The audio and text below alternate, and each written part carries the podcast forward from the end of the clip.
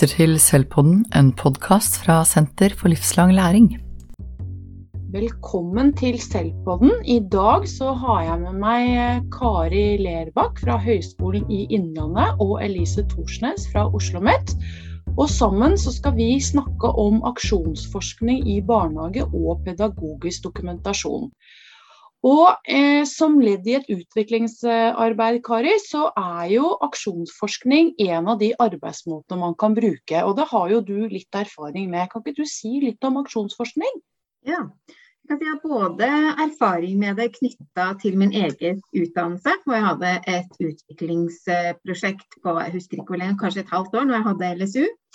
Og jeg har også møtt det mye når jeg har vært inne på LSU, på Høgskolen i Innlandet. I tillegg så bruker vi det en del i Reko.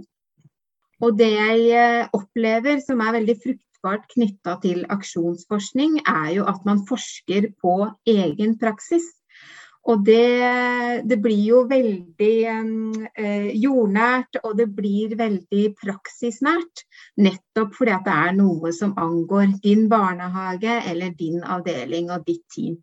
Ja, for Dons og Møraune de definerer jo aksjonsforskning som et systematisk arbeid som assistenter, fagarbeidere og pedagoger gjør i barnehagen. Og Videre så henviser de jo til Bø og Thoresen, og de skriver at det handler om endring og læring i en organisasjon, og at det er ulike roller. Og Elise, i den forbindelse så skal vi jo snakke litt om hva tenker du er pedagogisk leder sin rolle da, når man skal holde på med aksjonslæring? Jeg tenker det handler jo mye om å på en måte eh, lede prosjektet, men det handler også om at, eh, at alle skal føle seg inkludert i de prosessene eh, som er i barnehagen. Så det tenker jeg er på en måte noe av det noe av det viktigste med å på en måte lede sånne pedagogiske utviklingsarbeid i barnehagen, er å få med seg medarbeiderne sine. Mm. Og i den forbindelse, Kari, så er det jo dette her med å kunne bruke en del av den dokumentasjonen som barnehagen allerede har, kanskje, og stille noen, noen spørsmål til det gjennom kritisk refleksjon, f.eks. Ja, tenker det er jo mye dokumentasjon som allerede finnes i barnehagene. Det kan jo være ukeplaner, månedsplaner, dagstavler, bilder oppstartsbrev, hvordan man gjør tilvenning på den enkelte avdeling eller i barnehagen. Alt dette her kan jo bli til pedagogisk dokumentasjon dersom man begynner å reflektere kritisk over det. Mm.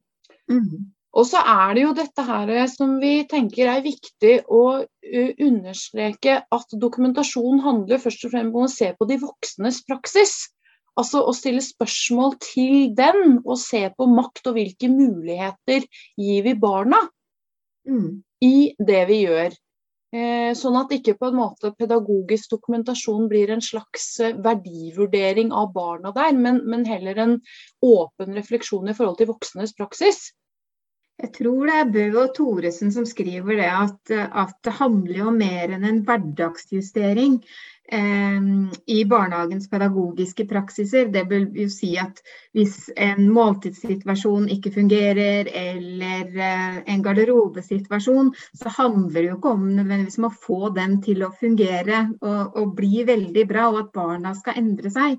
Det handler vel heller om å få tak i hva slags tanker har vi om disse situasjonene. Hvem er det vi tillater barna å bli, og hva skjer da hvis vi tilføye noe nytt teori, vi leser noe nytt, hvordan vil det da se ut? F.eks.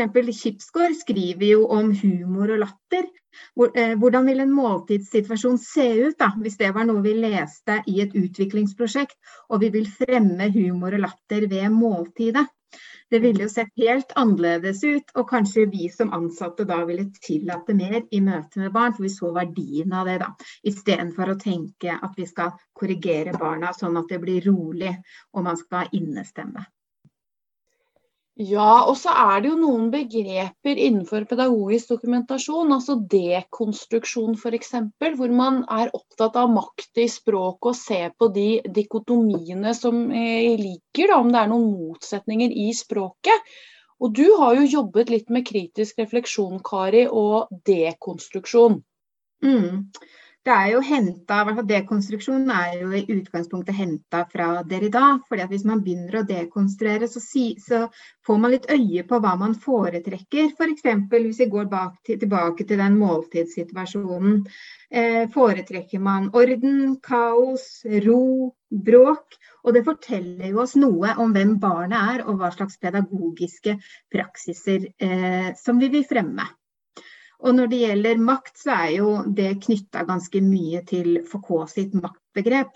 Og det handler jo om at makt er overalt. Eh, og da får man jo øye på at hva er det som styrer praksisene våre. Det er ikke nødvendigvis én person eller at det kommer fra en føring. Det er liksom overalt. Det er det som sitter i veggene og får oss til å handle på bestemte måter. Vi tenker det er det riktige og sanne å gjøre.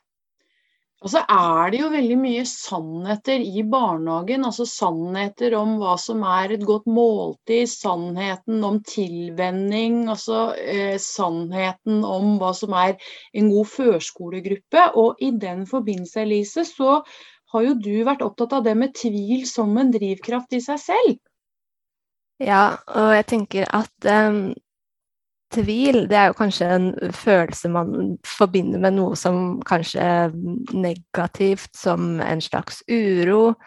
Men å, på en måte, å tillate seg selv å tvile kan også oppleves som noe trygt, og på en måte være klar over at det er ikke nødvendigvis én sannhet som passer til alt. da nødvendigvis. Ehm, og det å på en måte kunne jobbe med tvil og kunne reflektere rundt det, tenker jeg er veldig viktig eh, i forhold til det å jobbe med, eh, med måte, tatt for gitte sannheter, da.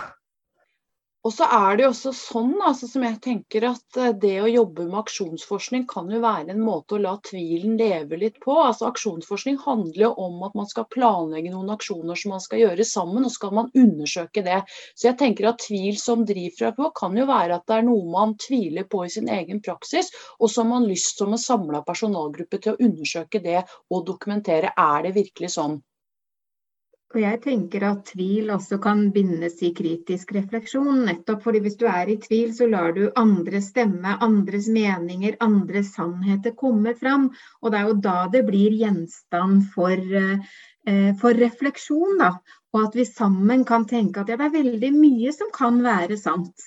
Eh, og høre på andre og tenke at de også har rett til å ha sine sannheter. Det er jo der det åpner opp og skaper muligheter for barn. da i møte med veldig mange måter å tenke om ting.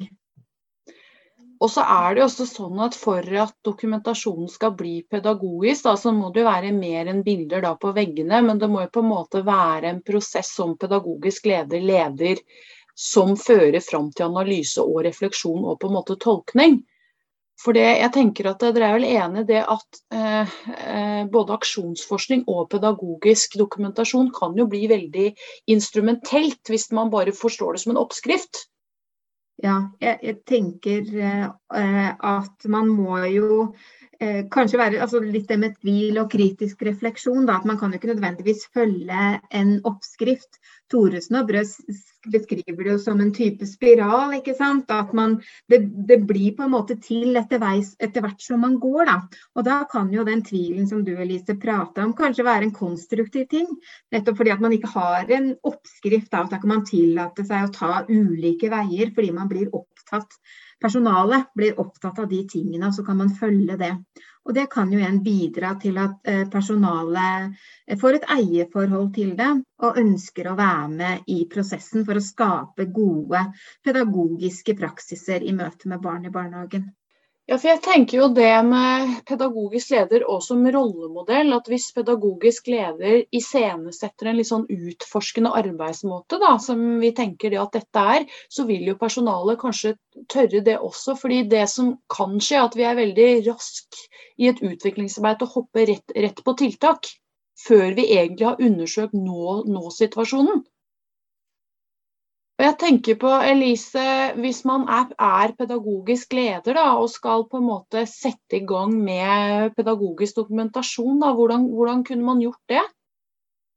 Nei, jeg tenker det er jo eh, Det kan jo være en måte å finne et avgrenset eh, tema og begynne der. Um, og så er det jo hvilke dokumentasjoner er det du ønsker å innhente, og hvordan ønsker man å gjøre det. Um, og, så, og så, er det jo selvfølgelig i samarbeid med personalgruppa, og det er jo også i samarbeid med barna potensielt.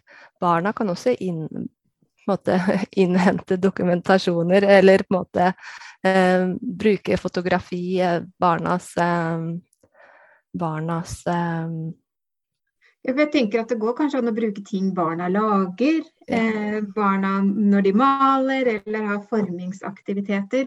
Hvordan det ser ut, og kanskje prosessen også kan, kan um, være en del av den pedagogiske dokumentasjonen.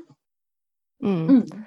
Og så er det jo det med at selv om man har på en måte et uh, tema som han, man har valgt ut, så er det også sånn at veien blir jo til mens man går. Eh, og hva man blir opptatt av, kan på en måte være noe helt annet enn hva som var utgangspunktet eh, for mm. prosjektet. Um, mm. Mm. Og I den artikkelen til Dans og, og, og, og Mørreevne så bruker de jo en sånn liksom, hva skal jeg si, hverdagssannhet, da, som at barna må, må si unnskyld, på en måte. Ikke sant? Eh, og de viser jo det til det eksempelet eksempelet at det finnes veldig mange sannheter, men når de da begynner å undersøke praksisen, så begynner de å stille andre spørsmål til den tatt, tatt for gitt-sannheten. Så det er jo som du også sier også, Kari, at man har et fokus, men i det fokuset så kan det på veien dukke opp andre fokus også. Mm. Og det handler jo om å ikke være så rigid og liksom ha det så stramt at ikke du kan tillate deg å følge det som skjer.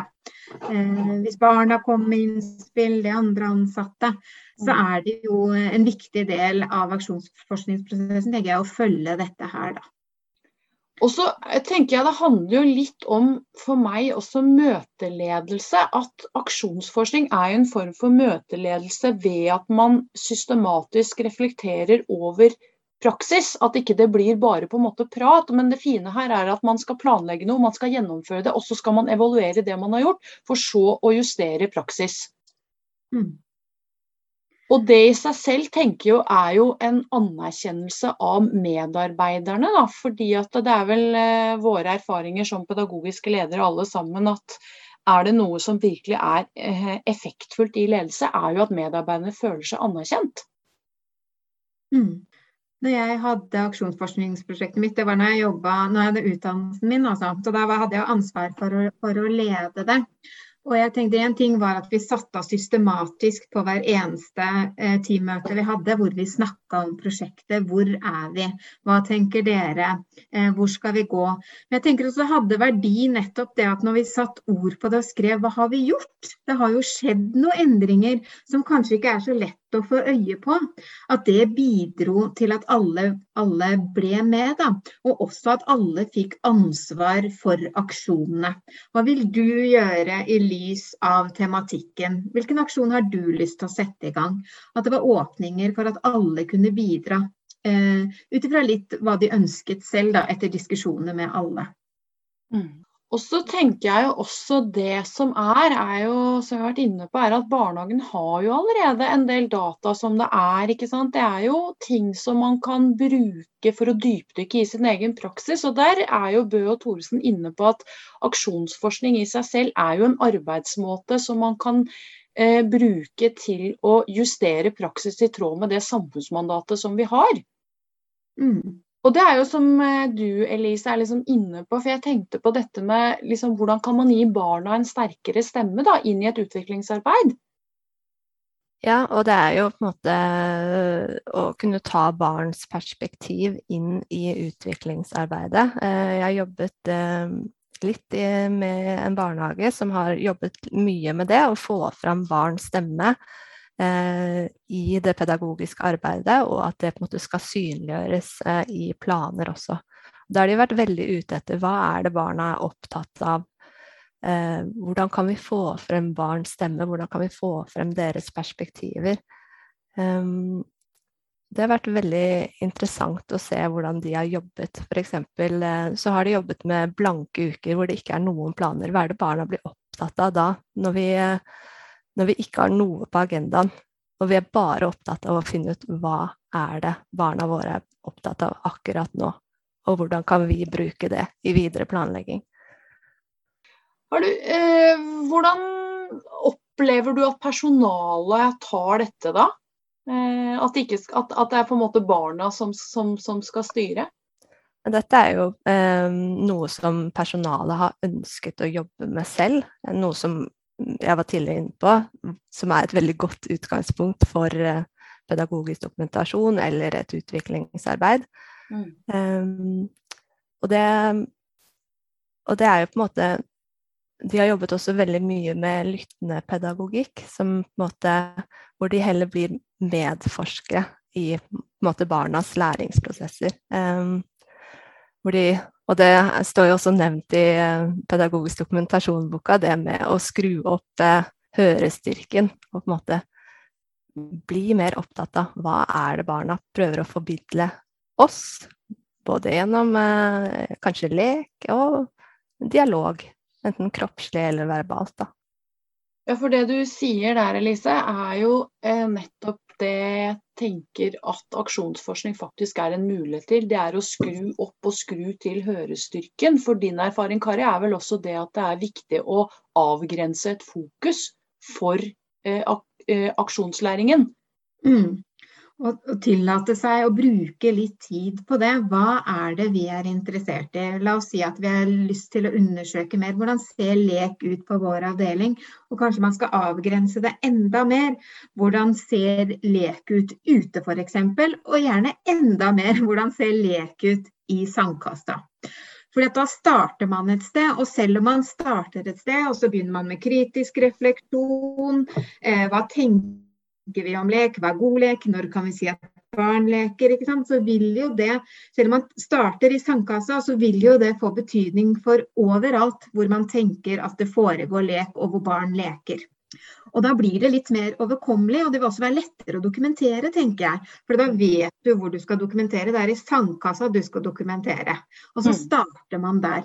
Eh, det tror jeg kan være en god måte å komme i gang og bidra til at det er lettere at alle i personalet er med. At vi har et veldig avgrensa fokusområde. Ja, for det som skjer litt i utviklingsarbeid også, er jo at vi kanskje gaper over for mye, og så blir det egentlig mye på en gang. og til slutt ingenting. Så det å avgrense fokus, og i den forbindelse, Kari, så er jo Bø og Thoresen også litt inne på dette med milepæler. Mm det kan være en god idé å lage en milepælsplan, hvor du liksom ser for deg sammen med personalet da skal vi bruke um, fire uker på å observere. Eh, og så tar vi det og det temaet på personalmøtet, og så observerer vi litt. Og så vi en, gjør vi en aksjon om to måneder. Og så har man kanskje en plan for et halvt år. Og Det betyr jo ikke at ting ikke skjer i barnehagen, for det gjør det jo. Men da har man i hvert fall en plan, og så får man justere det ut ifra hvor man går. Så jeg tenker at det kan være litt viktig, for da vet man hvor man er på vei. Og så kan man også gå tilbake og tenke og snakke om ja, men dette har jo skjedd, vi har jo gjort alt dette her. Se så mye vi har fått til. Selv om det kanskje sånn i, en, i, en hverdags, i hverdagen kan se ut som vi ikke får til så mye. Og her tror jeg altså det handler inn om å kartlegge ressurser. Hva har vi mulighet til å gjøre ut ifra de ressursene vi har, da, og kanskje særlig i form av ansatte og møtetid. Eh, mm. Så klarer man å lage en realistisk mileplan, tenker jeg kan være en god idé. Mm. Og så tenker vi også at det er jo eh, noen prinsipper i aksjonsforskning som man kan på en måte bruke. Og det tenker jeg handler om å gå dypere inn i sin egen praksis og prøve ut noe. Og så bruke det som grunnlag da for veiledning. ikke sant? Fordi det står jo i rammeplan at pedagogisk leder skal veilede personalet. Og ved at personalet prøver ut noe, om man blir enige om noe, så har man jo et, et veiledningsgrunnlag også, som du sier, Kari, som kan avgrense litt, da. Mm. Eh, for, for det, det, er jo på en måte noe med dette her å ta tak i hverdagen. Eh, og Elise, du har jo også vært, vært eh, pedagogisk leder og kjenner vel også den, den, verdien at hvis man kan få et utviklingsarbeid inn i hverdagen, da er det lettere å få det til. Ja, eh, absolutt. Og det er jo på en måte litt det utfordringen med at man setter i gang et utviklingsarbeid, og så skal jo det på en måte også få en innvirkning på de praksisene vi gjør i, i hverdagen. Uh, og da tenker jeg det også handler litt om det Kari sier uh, i forhold til å sette opp en plan og milepæler, at det er en kontinuitet i arbeidet og en plan for hvordan det kan implementeres i praksis. da. Og så tenker jeg jo at dette med aksjonslæring er jo også en måte å være litt transparent da som leder på. fordi at da kan jo også personalet følge litt eh, refleksjonen bak hvorfor blir det som det blir, hvis personalet har vært medforskere i å forske på, på egen praksis. Eh, sånn at det faktisk er på en måte transparent at, at pedagogisk leder sier å ja, men vi har jo kommet fram til i fellesskap at dette eh, må, må endres, og da endrer vi det. Hvis dere skjønner hva jeg på en måte mener, at det handler litt om at her er det ikke person, pedagogisk ledere eller styrer som bestemmer, men man inviterer personalet sitt med på en slags reise, da. Mm. Hvor alle skal få et eierskap til prosjektet. Ja, for det er vel egentlig det som er liksom litt sånn, sånn, suksessfaktor for et utviklingsarbeid. I hvert fall da, er i hvert fall at det å skape noen prosesser i, for eierskap, ja, jeg tenker jo at det er jo kanskje nettopp det som jeg opplever som kjempefruktbart. Litt som jeg hørte du sa, Lona, eller i hvert fall som jeg tolka det. ikke sant? Det der med, med at det er gjennomsiktig, og at, at, personalet får være med i refleksjonene. De klarer å følge det. Det er ikke noe som bare blir trøkka ned. Nå skal vi gjøre det sånn at det har vi bestemt, eller det står i rammeplanen. ikke sant? Men det er jo noe med å se meningen bak det. Ja, vi gjør måltider på denne måten fordi vi vil ha humor og glede og fellesskap. Det har betydning. Og det blir jo noe helt annet enn å si at nå må vi ikke være så strenge med barna ved måltidet, eller nå må vi tillate at de ler og fjåser litt og har et godt fellesskap, for det har betydning. Det står i rammeplanen, det er viktig. Så jeg mm. tenker at det kanskje er, eh, er noe av det jeg syns er finest da, med aksjonsforskning, at det blir noen prosesser som personalet alle får lov til å være med på. Mm. Mm.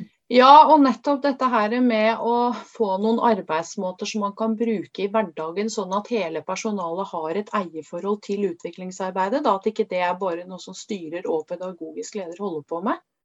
Vi skal runde litt av. Eh, jeg tenker på sånn, eh, liksom noen sånne gode tips, da, Kari og eh, Elise, til det å jobbe med aksjonsforskning og pedagogisk dokumentasjon. Hva vil det være? Ja, eh, det er jo litt av det vi har vært inne på. Det handler jo litt om å avgrense. Tillate seg å være lenge i starten. Få med personalet. Kanskje knytte noe teori til, trekke inn rammeplanen, sånn at alle er, er, med på det og er innforstått om at det er dette det handler om. Og også det å eh, milepælsplan, at det også er, eh, kan være viktig, da. Elise? Ja, jeg tenker jo det er jo på en måte Nå er det jo ikke lenge siden eh, jeg var ute i barnehagen og jobbet, og det er jo mye som skjer i barnehagen hele tiden. Og eh, det er mye man skal gjøre, og man ønsker å ha fokus på barna og det pedagogiske arbeidet, men jeg, jeg tenker også at det er viktig å prioritere og sette av tid til pedagogisk dokumentasjon og kritisk refleksjon, fordi at det, det har så mye å si for den praksisen man, um, man har i barnehagen. Da. Så det er kanskje mitt fremste tips å prioritere. å og ta seg tid. Mm. Kari Lerbakk og Elise Thorsneth, tusen takk for at dere kom.